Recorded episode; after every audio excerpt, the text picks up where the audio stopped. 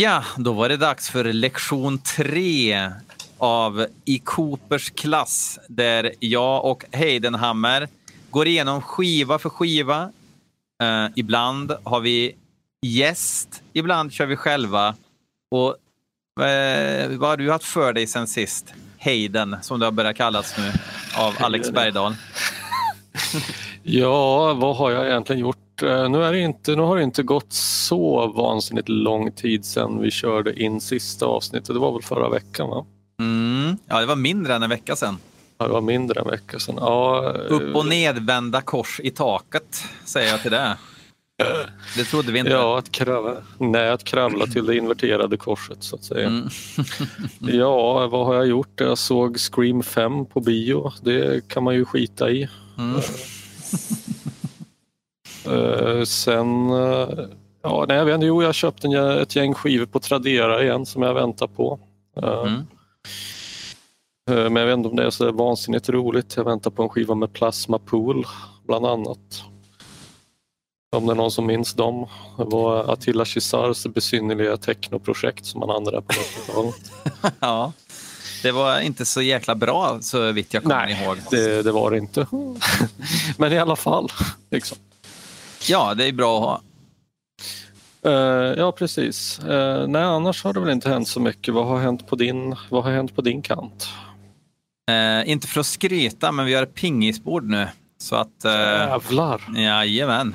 Ja, då blir det destination Dalarna strax. ja, här är det aldrig tråkigt kan jag säga.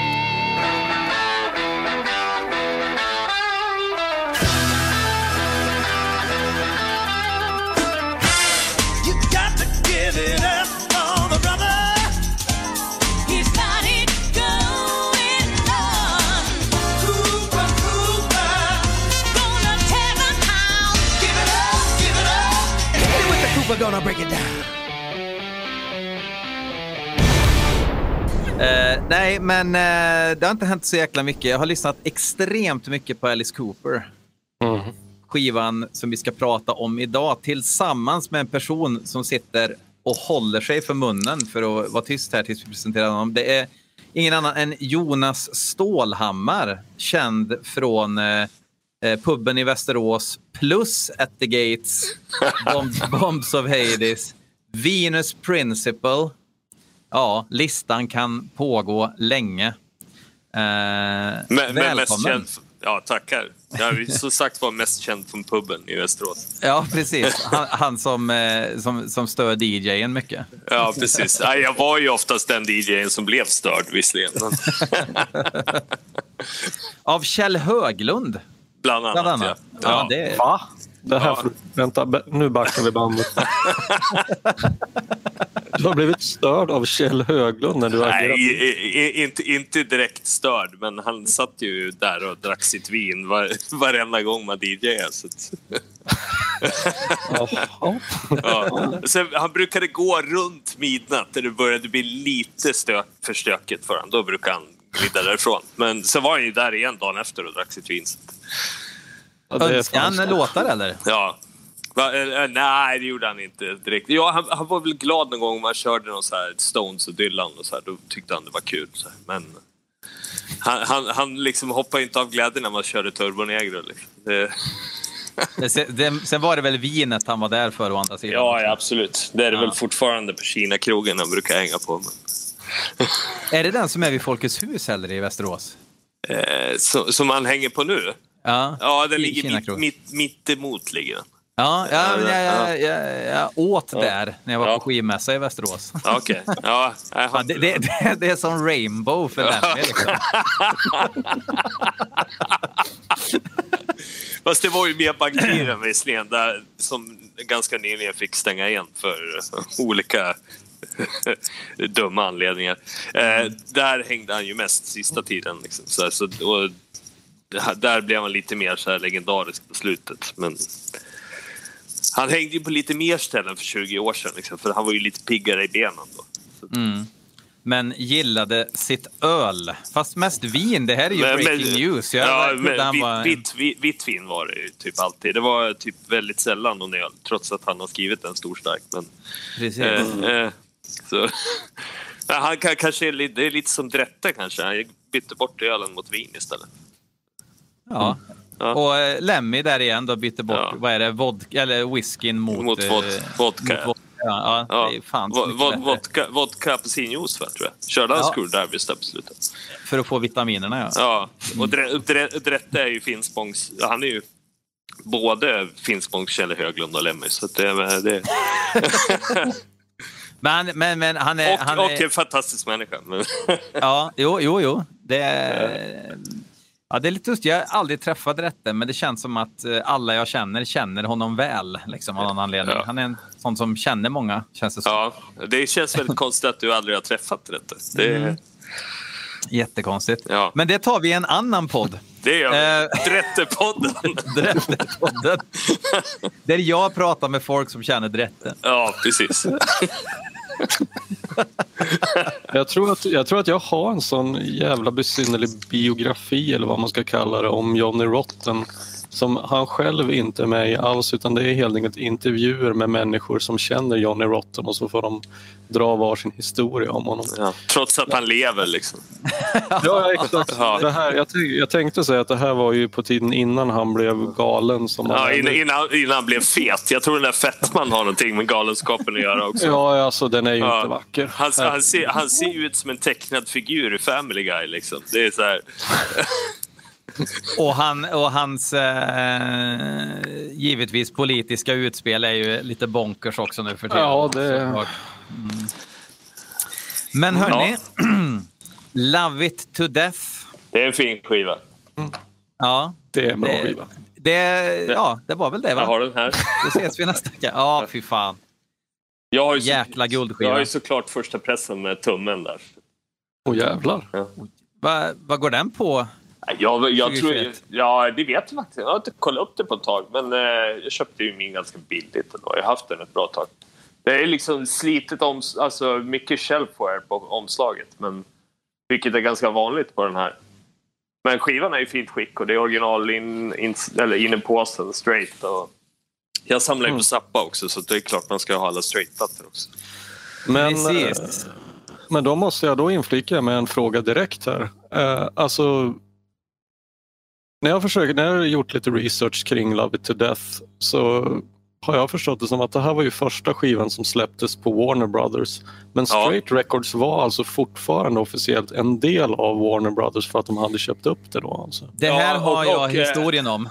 Alice, Alice, Cooper var, Alice Cooper var ju fortfarande signade till Straight på den här skivan men eh, de sign, blev liksom signade till Warner samtidigt. Och, men Straight låg ju via Reprise gjorde det väl då också. Så, så, så enligt som, ägdes, som ägdes av Warner också, men det är så här, ja. Enligt managern Shep Gordon, jag lyssnade på en timmes intervju med honom om Love It To Death-skivan. Alltså, snacka om hit gold alltså. Då, då, var det så att um, kan lyssna på den istället för den här podden. ja, Dra dit istället. Vi skickar trafiken vidare. uh, nej, nej, men då, då var det så att, att um, när de spelade in Pretty for you, den satte de ju på åtta timmar. Mm. För de visste inte, och Chet, Chet Gordon, han visste ju heller inte hur man spelar in en skiva, för han hade ju inte varit manager för ett rockband förut. Liksom.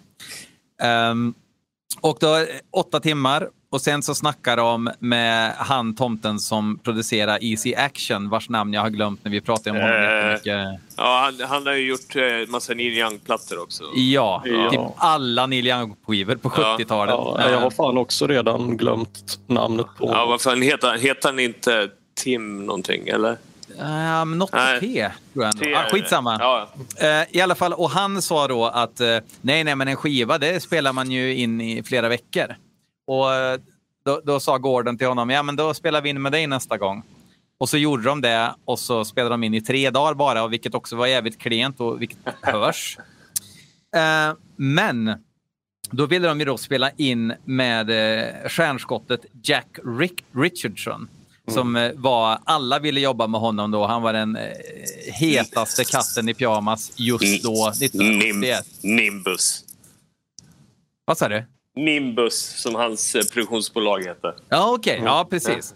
Och då fick de med Bob Esrin på köpet lite grann för att han jobbade med Jack Richardson då. Så det ja. var inte nödvändigtvis Bob Esrin som var liksom den de skulle jobba med. Och mm.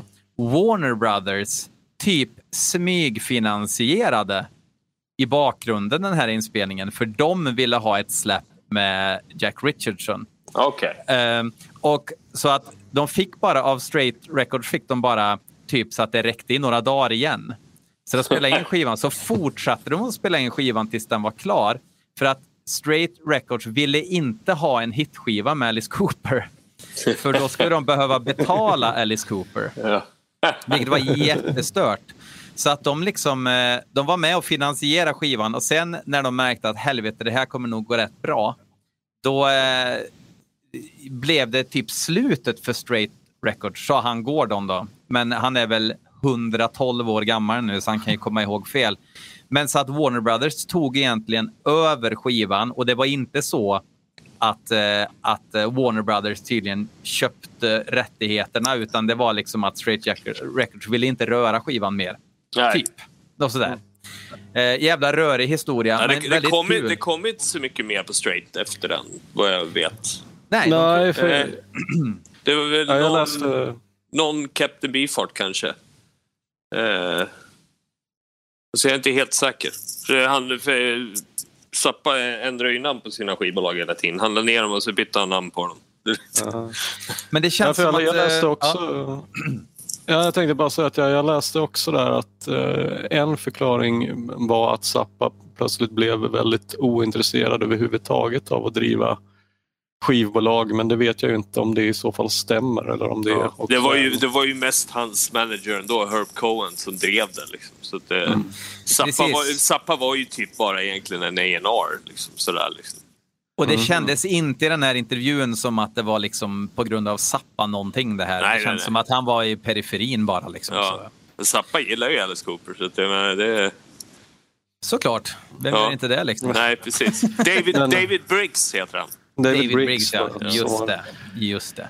Uh, men, det, um, men ja, alltså juridiken kring det här ska tydligen ha varit legendariskt komplicerad. Att det tog väl fyra års rättsprocesser att fixa detaljerna mellan Straight och Warner och hela den här skivan. Uh, åtminstone enligt en eh, uh, Thompsons biografi där. Så att, jag vet inte om det var nära att knäcka Alice Cooper men det tärde väl tydligen ändå ganska mycket på, på dem.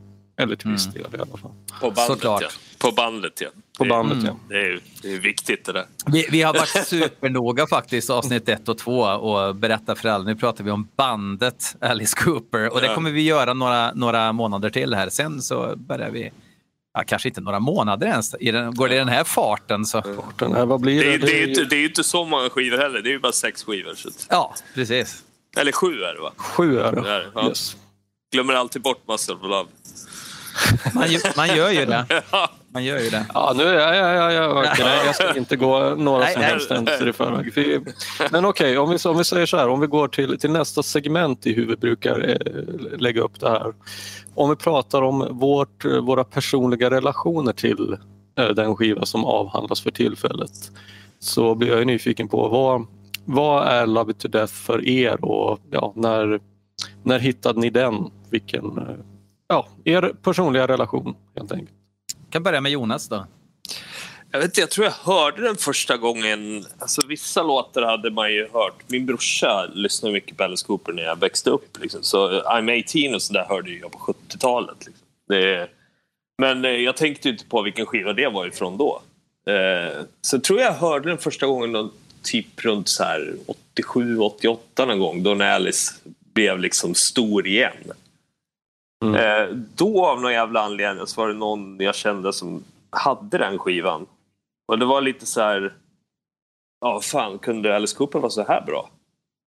Har man inte riktigt... Man har ju bara hört hitsen förut. Liksom. Så, det är typ hör... den vanligaste Alice Cooper berättelsen att alla ja, blir så förvånade hur jävla ja, ja. bra Alice Cooper Ja, precis. Och sen eh, ja, men liksom att jag hörde så Black Juju första gången. Så det minns jag också. Så innan jag, då hade jag, det tog ett tag innan jag köpte skivan dock.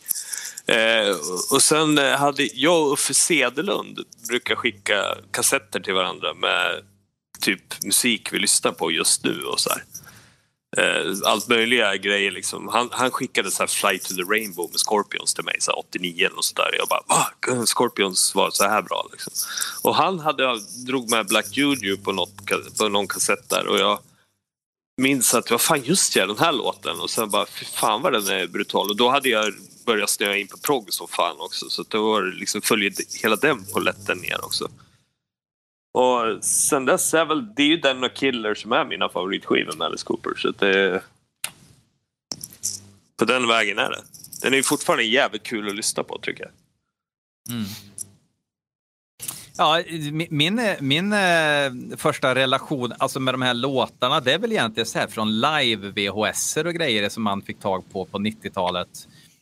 Inte nödvändigtvis skivan.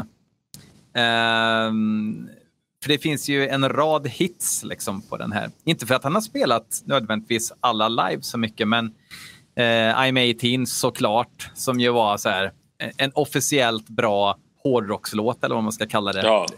Um, um, och sen Ballad of Dwight Fry, liksom, för att det var ju ändå så här slutet det kan vara 96, 97 när man började liksom ladda ner mp3 från hemsidor och så där. Och så ja. var det vissa låtar, folk la ut på hemsidor vissa låtar så där. Och så, um, så att jag har liksom egentligen ingen eh, barndoms eller kanske ens ungdomsrelation till hela skivan. Love It Nej, det, det, har inte, det har inte jag heller. Liksom. Det är mer liksom, man var ju ja, 20 plus när man liksom verkligen satte sig in i skivan.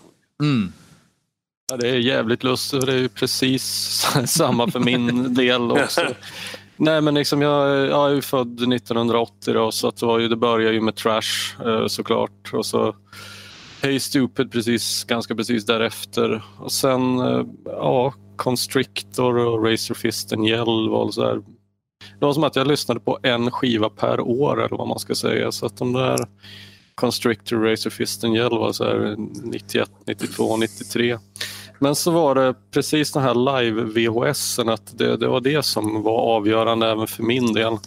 För det övertalade en kompis till mig att spela in Alice Cooper Trashes the World från TV, eh, den gick på TV1000. Ja, just ja. Eh, den, Klassiker. ja. Var, var, det till, var det till hårdrock så var det porr. Ja, ja, det var ju jävligt lägligt tror jag. Att det, här, det var ju gott om utrymme på VHS-kassetten. Framförallt om man spelade in det på så här half speed som man kunde eh, göra. Liksom, så man fick plats med ännu mer. Nej, men, det, offra men, gärna ljudet på Alice Cooper-spelningen. Ja, ja, ja, ja. Mm. Men, eh, men med Trashes the World, då, den är ju lite märklig för att den gjordes ju vad jag förstår som en ren promotion för just Trash-skivan. Men han spelar ju på, på den, det är ju bara låtar ifrån Trash och så låtar från 71 till 75. Det är liksom den, låtarna börjar med Från Love It To Death och slutar med Welcome To My Nightmare låtar och sen så är det bara Trash. Och där är precis som, eh, som Björn du sa, så ja, men det var ju I'm 18 och Ballad of Dwight Fry. Liksom. Mm. Men sen på något konstigt vis så var det som att, ja jag vet inte, Alice Cooper var liksom bandet och artisten som alltid fanns med på något vis under 90-talet. Men jag, jag kan inte påstå att vare sig jag eller jag kände ingen som var riktigt Alice Cooper head så att det, det dröjde liksom ända... Nej, det, det, har, det har inte jag heller gjort. Liksom. Det, men Alice har ju fått någon form av så här eh, cred efteråt liksom, mm. på något vis. Liksom. Och, jag vet inte om det har med hela actionrockvågen och sånt där och liksom att Alice Cooper blev liksom... Och även amerikanska, menar band som så här Mudhoney och vad som helst. Hela grunge-scenen nästan, alltså när den var skränig. Ja, och sen Marilyn Manson eh, ja, ja. får man ju inte förneka. Ja. Har ju snackat väldigt mycket om Alice Cooper genom åren. Ja. Nu tänker jag, jag tänker ju mer på de gamla plattorna med bandet. Liksom. Det... Jo, absolut. För det, jag känner också en sak jag tänkte på nu är att jag jobbar också lite bakifrån fast från typ, eh, vad heter den, Goes to Hell. Mm. Mm. Och, och tills, tills man hamnade där liksom. För det, de kommer jag ihåg mer från uppväxten. Framförallt Welcome to my nightmare. Och man såg han på Mupparna och sådana grejer. Liksom. Det, mm. ja, det är ju en besynnerlig eh, historia som vi, men, men, som vi får förkorva och se ja, sen. Fantastiskt bra dock. Absolut, ja. absolut. Um, om, om man ska se till liksom från det här eh, sju mila klivet de gör här nu då, som det ändå är mellan Easy Action och um, Love It To Death, så, så beskrev ju även Alice Cooper själv i en intervju som jag såg för bara något år sedan så pratade han om att Bob... Eh, managern och de hade pratat om, okej, okay, för att de var ju enligt egen utsago ganska hatade i eh, LA och, och ja. överallt. Alltså det, för, och då, då tänkte de, det kanske vi ska använda oss av. Att vi jobbar för att bli hatade. Mm. Men då mm. sa Gordon, fast vi har inga bra låtar.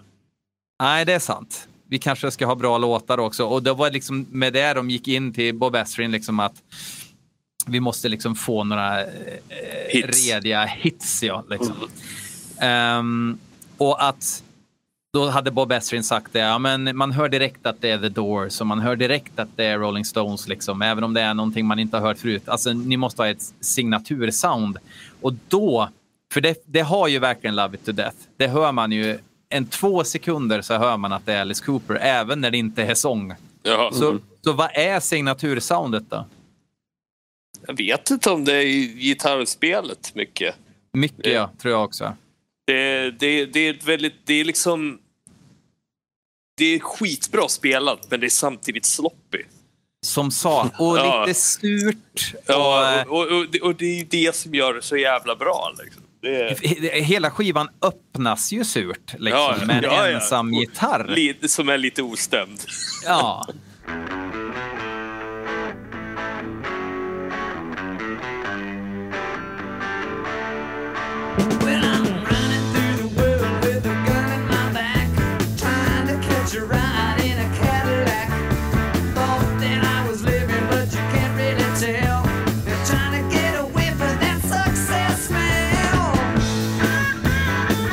trivsel. Ja, fy fan. Ja, så vi, ja, så vi pratar första låten, Caught in a Dream. Mm. Alltså. Ja, jag måste säga att... Kåt i en dröm. Kåt i en dröm, ja. men jag måste säga att absolut första sekunderna som jag hörde den här, det, ja, men jag, jag måste nog erkänna att hela skivan, så att säga, Love it to death, den hörde jag också sent. Jag var nog kring 19 i alla fall, eller någonting. Man hade hört, eller jag hade hört hitsen, men inte hela skivan. Då var första... du en early bloomer i det här sammanhanget nu faktiskt. ja, det är ja, nästan. Ja. ja. Ja, det, fan, det blir väl kanske så. Mm. Nej, men jag, jag vet, när jag bara hörde Caught in a Dream först, då visste jag kanske inte riktigt vad jag skulle tycka för att det var lite för mycket vad ska jag säga, lite för mycket rockabilly tyckte jag.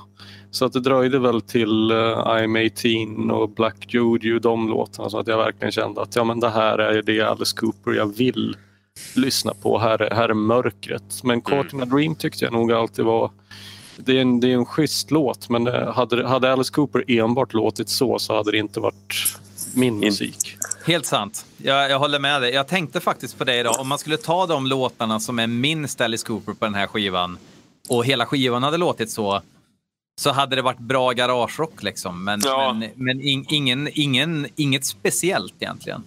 Mm. Och sen så tänker jag, det här vi pratar om gitarrspelet, att jag försökte på något sätt ringa in det, men det känns som att gitarrerna ofta liksom spelar basgångar fast på gitarr, tvåstämmigt någonstans. Ja. Som, som jag inte direkt kan säga att något annat band gjorde eller gör. Plus att det är basgångar också.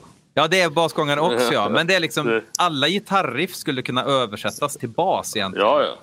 Fast det är en oktav upp liksom. Det har du nog fan rätt i alltså.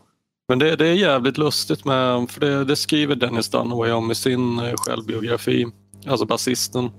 Och eh, det var så jävla kul när, när jag läste det han skrev eh, att eh, han ville alltid göra sig, han ville alltid göra det knepigt när han spelade bas. Så att han spelade ofta i stämmer istället för att spela grundton på ackord och sådana saker.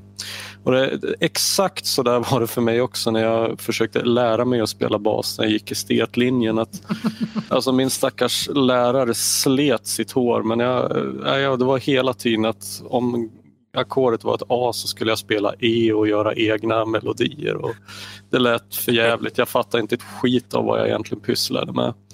Men det var så jävla kul att läsa det där. Att jag tänker att eh, ja, men när man precis börjar upptäcka sitt instrument och inser att man kan spela någonting annat som avbryter så att säga ifrån de absoluta grunderna. Mm. Då blir det ju ofta på det viset. Nu var jag verkligen ingen Dennis Dunaway, den saken ska vi ha jävligt klart Men, det är, men det, det är ju också någonting när en basist blir en basist och inte bara den som inte får spela gitarr. Och det Exakt. är ju när man börjar tänka bas. Men det lät estetiskt bra. Ja, precis. För Dennis Dunaway, ja. precis. Ja. Uh, nej, men det är en sak som jag tänkte på. Och sen också, helvete vad bra Alice Cooper sjunger alltså. Mm. Ja, det har, det har han ju alltid gjort tycker jag. Liksom. Han gör han fortfarande jo, också. Det gör han fortfarande, men när man verkligen tänker på de olika rösterna han hittar på den här skivan ja. utan att det låter som att han försöker. Det är så jävla ansträngningslöst på ja. vis. Allt Men ifrån de spruckna, liksom, lite ljusare tonerna till det här, den här distade rösten som vi pratade om, som ja. vi hörde för första gången på Easy Action på någon låt sådär. Men eh, och helt han, unikt. Han, han, kunde låta som Elton John om man ville också. Ja, mm. absolut. Men jag tänker att det, det, är väl här som han blir, han är ju inte bara en jävligt bra sångare utan han är ju en fantastisk alltså röstskådis också. Mm. Att eh, till skillnad ifrån de två föregående skivorna så känns det ju faktiskt som att han berättar eller sjunger historier. Ja, ja precis. Att var, varje låt är ju en liten berättelse i sig själv som till och med, för nu, nu på den här skivan går det ju till och med att följa med i historierna. Alltså, ja. Mm. De handlar ju om någonting till skillnad från vad de kanske gjorde på Pretties och Easy Action. Ja. Och jag tänker att gå från liksom Zappa-världen på de två första skivorna till Bob Estrin som hela tiden säger dumb it down, dumb it down. liksom gör det enklare, enklare, enklare. Och de, Fast de... samtidigt kompl mer komplicerat. Ja, på, han, är, ja, han, på han, är, han är ju lite så. Han, han gör ju, tar ju enkla låtar fast gör dem, eh, komplicer ger dem komplicerade arrangemang. Mm, mm. Och, och vi, vilket är mycket lättare egentligen att göra med enkla låtar. Du kan ju liksom lägga på maffiga stråkar på en enkel låt på ett annat sätt. Liksom. Och, och, leka med harmonier som ja. skär lite och sådär. Ja. ja, absolut. Men eh, du pratar om just I'm 18 där då som, som var betydligt meckigare från början. Och sen, ja, nej, nej, nej, nej, dun, dun, dun, dun, dun, dun, dun, dun, dun, dun, dun.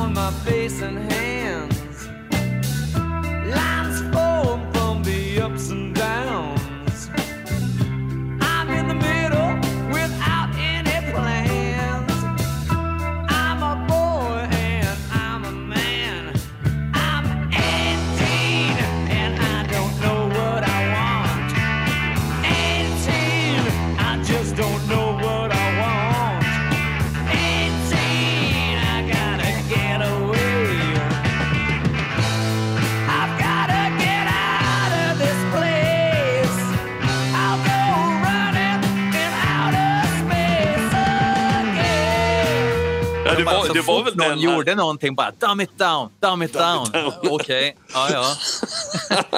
och sen så hörde de den på radion för första gången. Och då blev låten så jävla stark i radioskvalet som var liksom. Att den bara helt plötsligt så, så fick den ut. ett eget rum. Ja, precis. Ja. Hade, hade de krånglat för mycket så hade låten kanske försvunnit på ett annat sätt. Ja, Det ja. tror jag också. Det var, fast det är ju lustigt, han, han behöver inte ha någon eh, teorilektion med dem som han behövde ha med Kiss. nej, nej, nej. Uh, smart it up! Smart it up!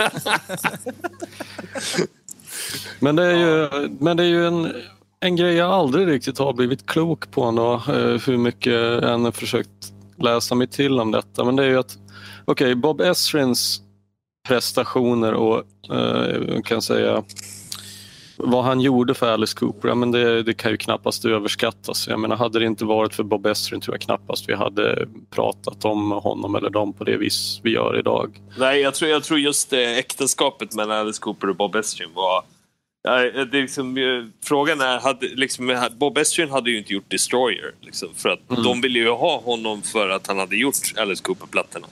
Mm. Och, och, och, det är liksom så här, så att jag tror det är varken Alice Cooper eller Bob Essin hade haft samma karriärer idag utan varandra. Nej, det är, sant. Är, det de, är, det, är, är Bob Esrin en av de personerna som har skapat själva den här bilden av vad en bra producent ska vara. Man ska ja, lyssna på ett band och hitta det som gör bandet bra och skala ja. bort det som inte gör bandet bra. Ja, han hör ju till toppskiktet för mig av producenter. Jag menar liksom, alltså de skivorna han gjorde där mellan 71 och 80 är ju helt sinnessjukt. Liksom, så här, vilka... Alltså... Ja, Destroyer och sen då, att han avslutade det årtiondet med The Wall. Liksom. Det är ju helt... Ja. Don't dumb it down. Don't dumb it down. men, eh, men här blir det också lite, lite lustigt för att eh, ja, om jag förstått det hela rätt så var det ju de flesta i bandet Alice Cooper hade ju inga problem med Bob Ezrin utan tyckte väl bra om honom. Förutom gitarristen Michael Bruce. Ja. Och uh, Michael Bruce menar ju liksom att uh, han fick i sin tur hela tiden så att säga, tygla Bob Ezrin därför att han menar att Ezrin vill väl egentligen vara Phil Spector. Och liksom, ja.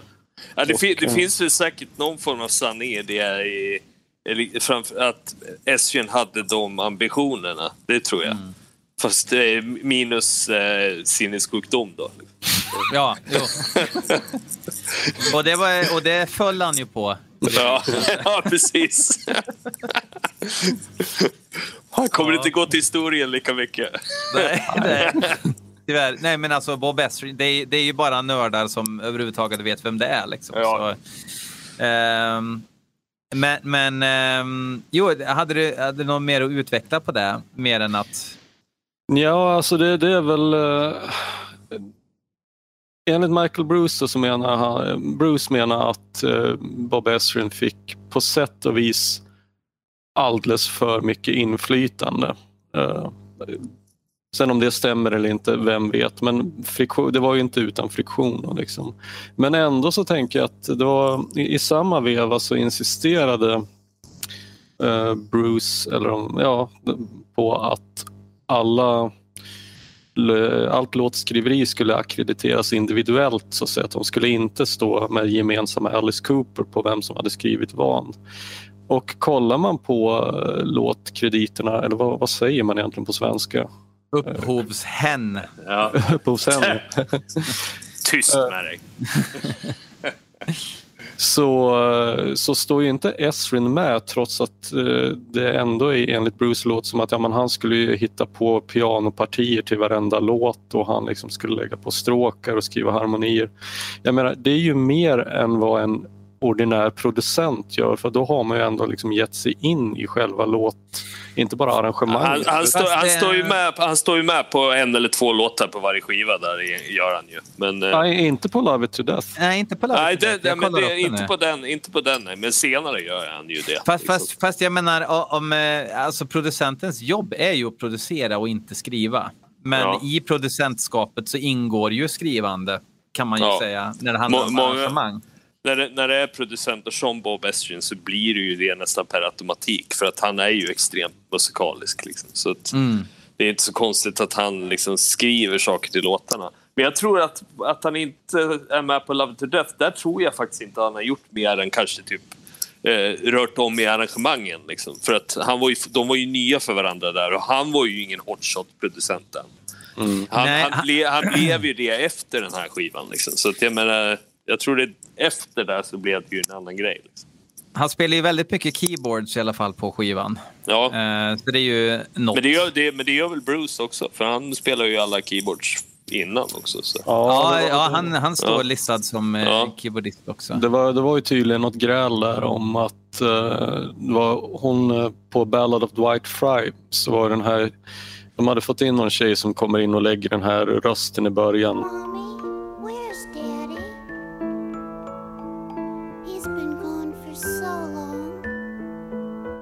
Och eh, hon var väl av eh, uppfattningen att hon trodde att det var Esrin som hade skrivit pianostycket där i början. Och mm. Esrin ville väl gärna låta henne tro det.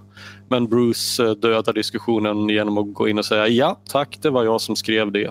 Och sen så var det en mm. kall tystnad resten av dagen. Det var för övrigt en tjej som var kompis med bandet så att när de hade det riktigt tufft så eh, fick de äta hos henne. Så att hon, hon matade Alice Cooper, bandet och managern när det var som allra tuffast där ett år innan.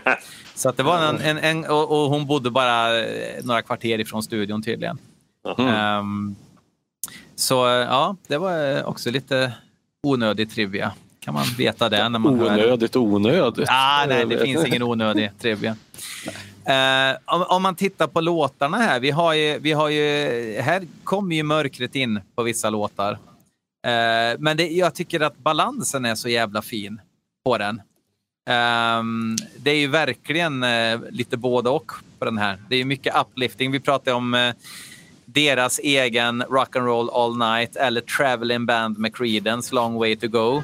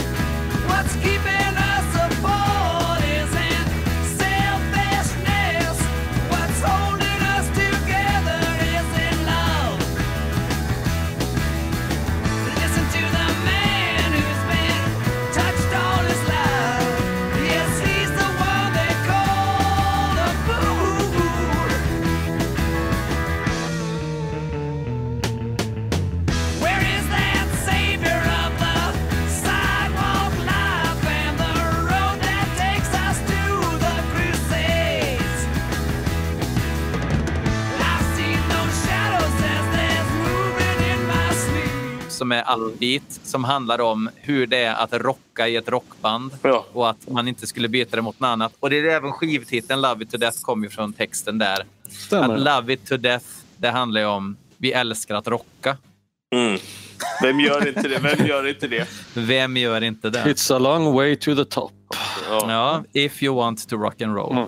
Mm. Uh, och det var, det var någon ko komiker som sa det att under hela 70-talet eller slutet av 70-talet och 80-talet så fick vi hela tiden lära oss av banden hur man ska rocka och när man ska rocka och var man ska rocka. det, måste ha börjat med Rock around the clock. Liksom. Där, där började beskrivningen av hur man skulle rocka. Liksom. Okej, okay, det är runt klockan vi ska rocka. Ja, nej, men, så, men, men det, är, det mörka, då har vi ju givetvis Ballad of White Fry då, och Black Juju som handlar ju om eh, Dunaways, eh, någon tripp han hade.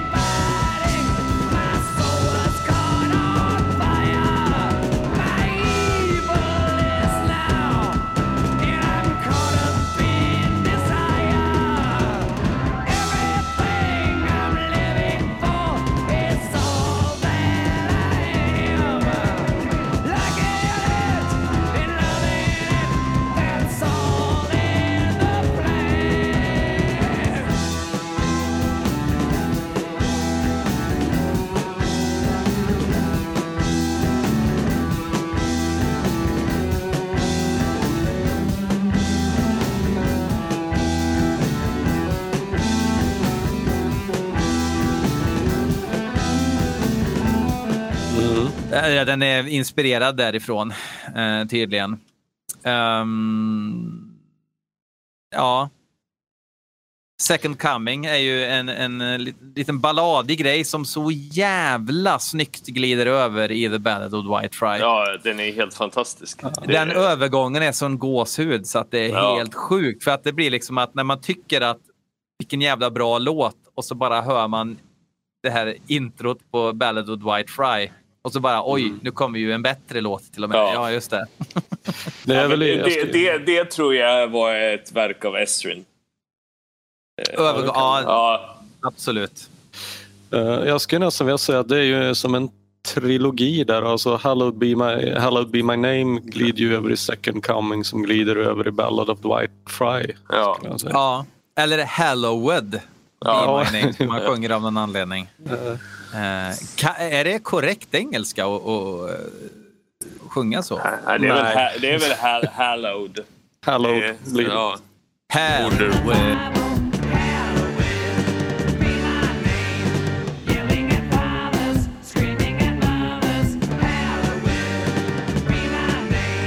Det, det tror jag bara var en fraseringsgrej för att det skulle låta bättre.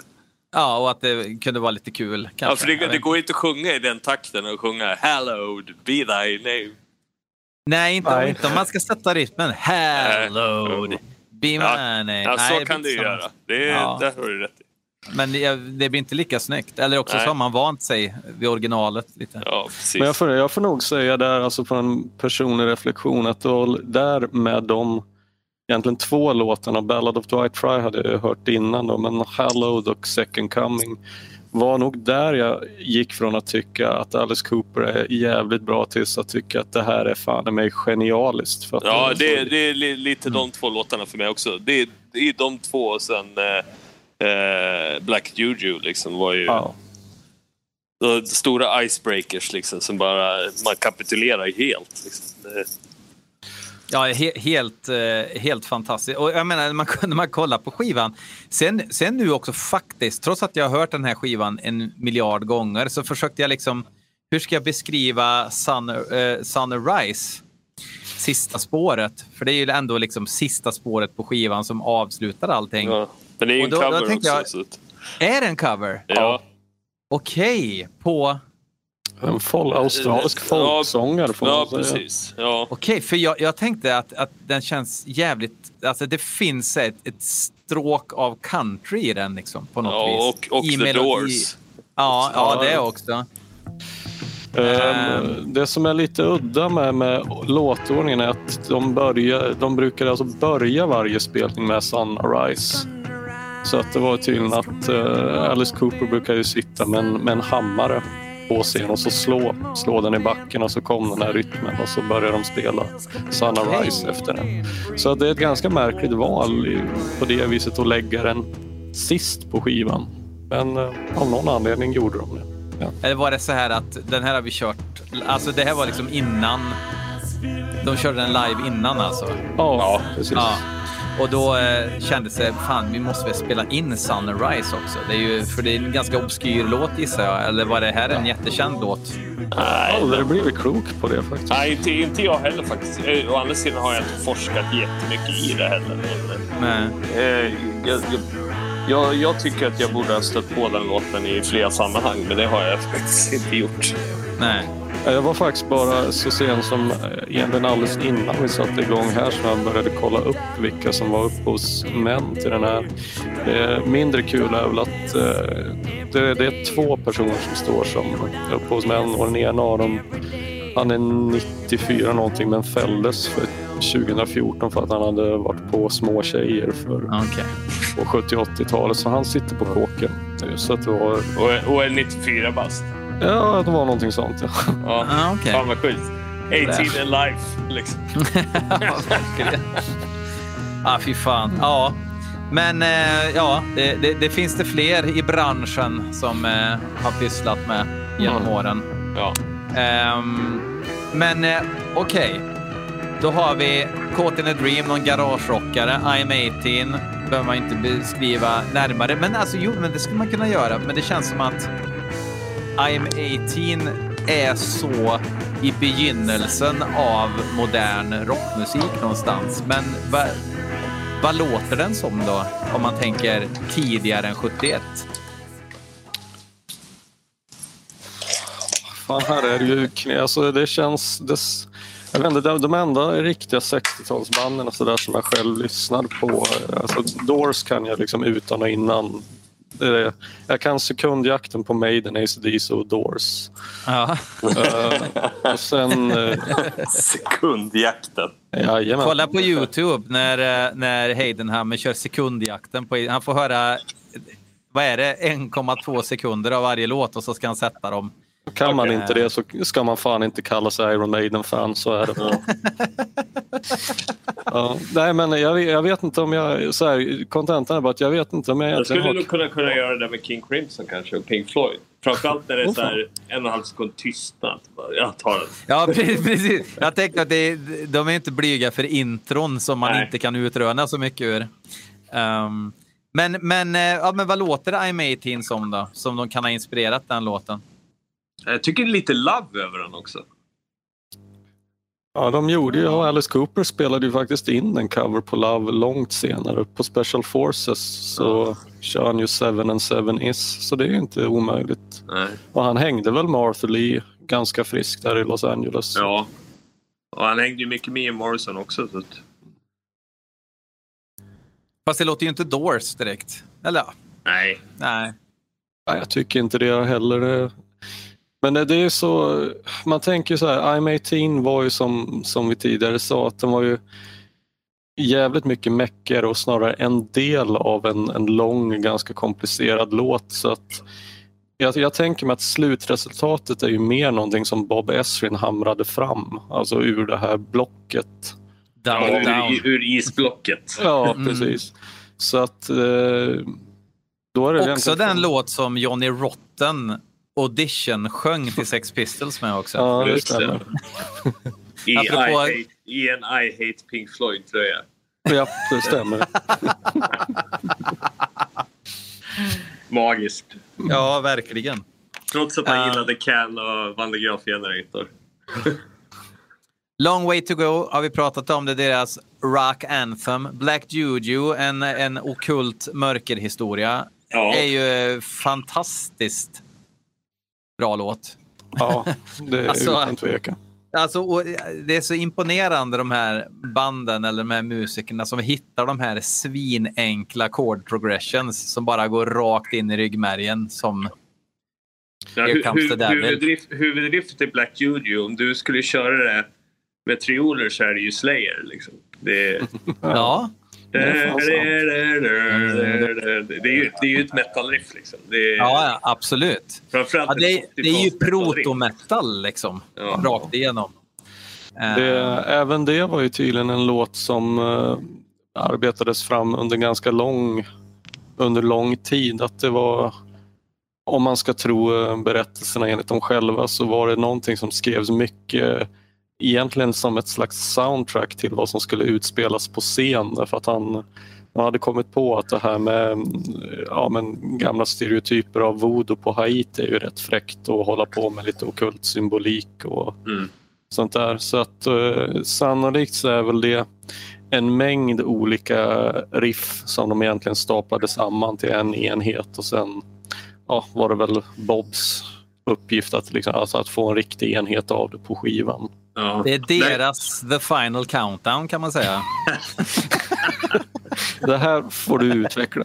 Ja, Nej, men eh, syntslingan i, i, eh, i, Final Countdown var ju typ en soundcheck-låt som han skrev. Alltså eh, en grej som man bara blinka i soundcheck. Ja, det, det, det, användes väl till när Discot Galaxy i, i Stockholm skulle öppna sina portar så skulle, då spelades syntslinga till The Final Countdown. Så det var ett reklamjobb typ.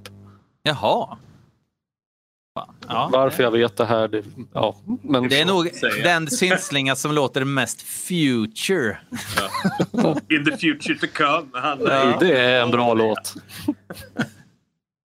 Sen har vi Is it my body som eh, jag har förstått nu då. Eh, men får jag bara, får jag bara ja. Mm. återgå till en grej Black Juju där? Mm. Eh, jag tänkte på, för vi pratade innan om vad I'm 18 låter som och vi avfärdade The Doors. däremot så låter ju själva det som är versen när själva det blir en riktig låt i Black Juju. Det låter mm. ju The Doors som fan. Det håller jag med om. Det, den, den biten hade Morrison kunnat sjunga utan några som helst problem. Alltså, ja. Det hade kunnat varit en Doors-låt, absolut.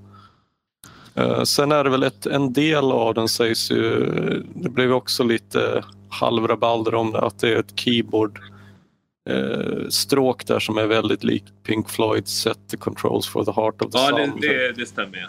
Det, det, jag är inte så inne på Det, det var länge sedan jag tänkte på det faktiskt. Det var bra att du sa det. men och det har de väl sagt, alltså erkänt att ja, jo men vad fan vi gillar ju Pink Floyd allihop och om någon märker så får de väl göra det liksom. Mm. Ja. Det, det, är ju, men alltså det känns som idag på ett helt annat sätt när band spelar in skivor och säger ja men den här grejen, då, det här är våran eh, klockrena kopia av någonting som ett annat band gjorde, kan man säga. Men på den här tiden kunde man inte riktigt säga så. Det var lite fulare att inspireras tydligt tror jag, Precis. 1971 än vad det är idag. Nu, nu, nu blir man ju dyrkad av bandet man snor av för att man lånar liksom, ja. idéer. Så det var en, det var en annan tid. en annan tid. Och apropå annan tid, Is it my body handlar ju eh, ganska mycket om, eh, alltså enligt Alice Cooper slash managern så har jag eh, snappat upp eh, eh, lite grann eh, homosexualitet, ingen vågar komma ut på den tiden och, mm -hmm. och, och förbindelser eh, utnyttjar vi varann. Alltså, ja, massa, massa ihopkokat hbtq-snack. Eh, vilket inte direkt var på tapeten på den tiden. Ja, en massa henhouse-prat. Alltså. Ja, precis. precis. Alltså det är så bisarrt nu när du säger jag har fan aldrig tänkt på den låten ur en gay-kontext men det är klart, alltså det passar ju jävligt ja. bra. Så, ja. Den, den, har ju lite sån feeling, själva låten också. Ja.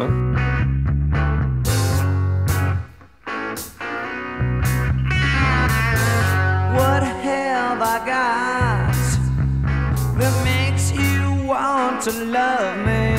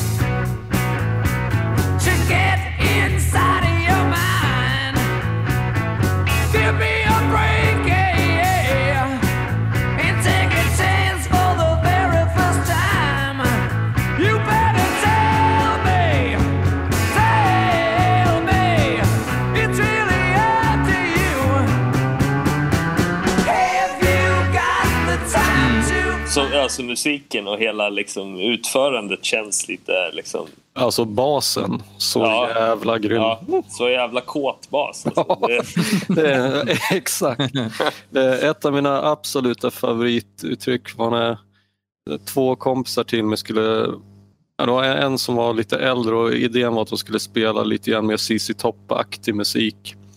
Och den äldre gitarristen av de här två skällde ut den yngre för att han menar att du, du ska spela som en kåt marskatt och inte som någon jävla 90-talspunkare. Ja. och en kåt marskatt, det är ju exakt så Dennis Dunaway spelar bas. Ja, ja. Det är lite som eh, min sambo Elinor brukar säga också. Måste ju låta kåt när du spelar. Det är jävligt svårt att göra på beställning också. Ja, det, det, det, det finns Viagra för det också. Ja, det kanske gör det. Uh, Hallowed, Be My Name har vi pratat om. Uh, ja. um, uh, li, lite musikalig också ju. Alltså den ja. skulle ju kunna vara i en annan klädsel, skulle den kunna vara med i en musikal. Liksom. Ja, det, men det är liksom... Många av Alice Cooper-skivorna har ju lite musikalstrukturen. Allihopa mm. egentligen. Mm. Jag tycker också att det är jävligt snyggt att med, Is it my body och delar av, av versriffet är ju ganska likt delar av versriffet i, i Hallowed be my name också.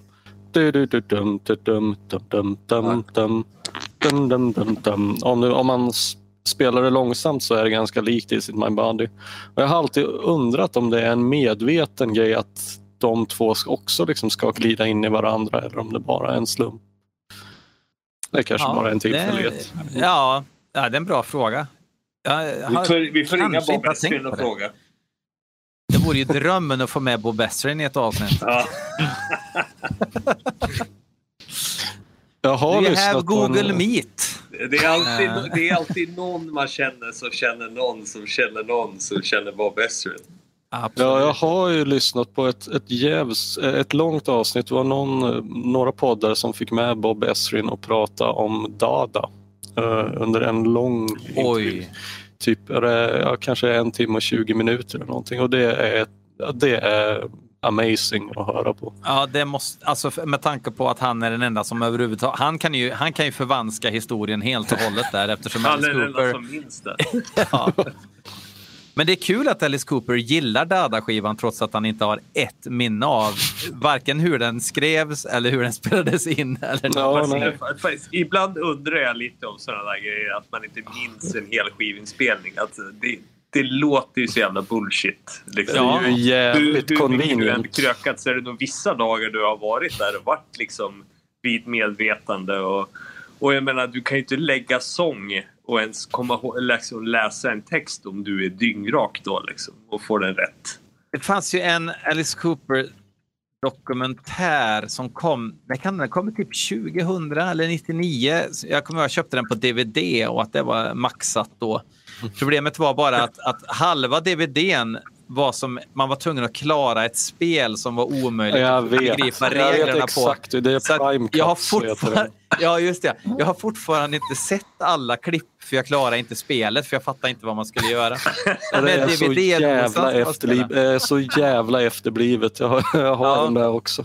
Men och då reagerar jag på, för det där är ju verkligen någon som har klippt ihop en dokumentär och Alice Cooper har inte gjort någonting unikt för den dokumentären för att eh, vissa intervjuer är från 86 och vissa intervjuer är från 94 och sådär. Ja. Eh, men, och då, då, då, tänkte jag så här, han är lite som eh, Gene Simmons och Joey DeMayo att, att nu, nu eh, ska jag gärna lägga beslag på varenda idé som har funnits i rockhistorien och akkreditera mig lite grann. Ja. Till och med någon gång säger han eh, at some point we, we were under so much controversy it felt like I invented controversy. Och jag bara, nej, nu, ja. nu, nej, nu tar du det lugnt. Det, det är eh, lite, jag, jag har blivit jävligt mätt på både så läsa biografier och se dokumentärer om artister från den tiden. För att det är, mm. liksom, det är lite så här, ja men jag har hört det här förut. Vem av er var det verkligen som gjorde den här grejen? Mm. För någon är det som mm. gjorde det och garanterat så var det säkert ett obskyrt band som inte ens var känt som gjorde det. Ja. Som var förband eller något sånt där. Som de bara snodde idén rakt av ja. ja. Mm. Um. Som, som det där med att Kiss fick eh, skulden för att de hade bajsat på borden på Gröna Lund och så här. Och då var det ju Sweet som hade gjort det. Åh, jävla rackarungar. Ja. ja. De hade en uh, riktig ballroom blitz där alltså. ja, verkligen. Men Second Coming, Ballad of Dwight Fry har vi pratat om. Eh, lite balladigt. Eh, kul trivia där och den, den är ju bekräftad från många olika håll att han, eh, att han sjöng ju in Ballad of Dwight Fry psykiskt nedbruten av Bob Ezrin som eh, satte honom i bur och allt vad det var och straight jacket och, mm. och de där gallskriken i slutet var, var han i någon sorts paniktillstånd. Och det, det, även om det inte är sant så låter det fan i mig som att han är det. Jag väljer att tro det för det blir bättre. Mm. Ja.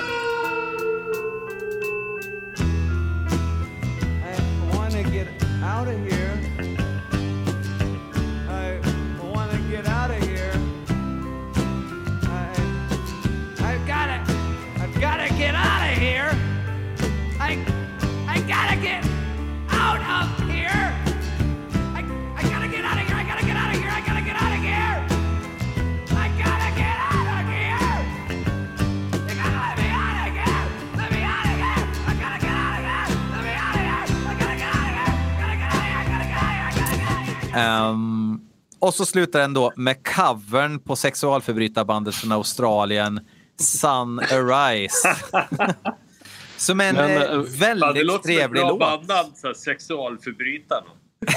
ja, men jag tänker Sunrise, alltså när jag har lyssnat på den här skivan förr i tiden så har det varit så här, ja just det, nu är det sista låten och sen, ja nu är den av, nu tar jag pickuppen. Mm. Men jag, jag, jag tycker den är riktigt bra nu när jag liksom verkligen lyssnar på den och tänkte på den. Och hans sångleveransen, en sorts eh, bräcklig, svajig introsång som många skulle säga, nej, ta en ny tagning, men som det, nej, den är sån jävla ja, det är lite falskt fernissa. och surt. Och... Ja, men det gör sig så jävla bra.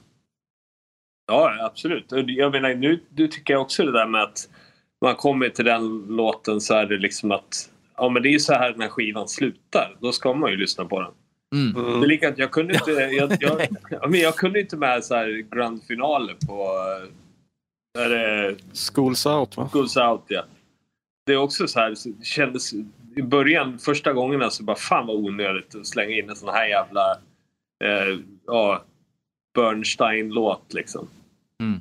Eh, men det, nu är liksom, fattar jag ju hela grejen. Liksom. Mm. det, den ska ju vara där liksom. Av en anledning. Liksom. Den var ju inte bara för att. Liksom. Det, Ja, det, det, det är sjukt det där att man nästan kan sitta och ja, nu är skivjäveln slut snart. En bra skiva men segt slut på en, en skiva liksom och så bara ja, nu är den snart slut, nu kan jag sluta lyssna på den. Tanken slår mig liksom inte att stänga av den för att det, det känns, det var inte menat att man skulle liksom Nej. stänga av nu på något vis. För då får man inte hela upplevelsen.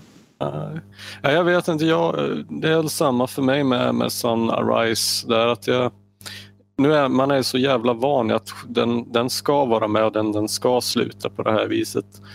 Men jag skulle nog... Hade jag hört hela skivan från början till slut för första gången idag så hade jag nog ändå tyckt att den kanske att den bryter av lite för mycket att den inte riktigt känns som att den hör hemma.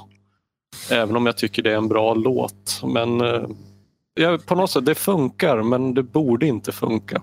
Kan jag nog tycka. Fatta vilket avslut Ballad of Dwight Fry hade kunnat varit. Ja, ja det är ju sant. det, det hade ju kanske varit det mäktigaste skivavslutet från eh, det seklet liksom. Eller årtiondet.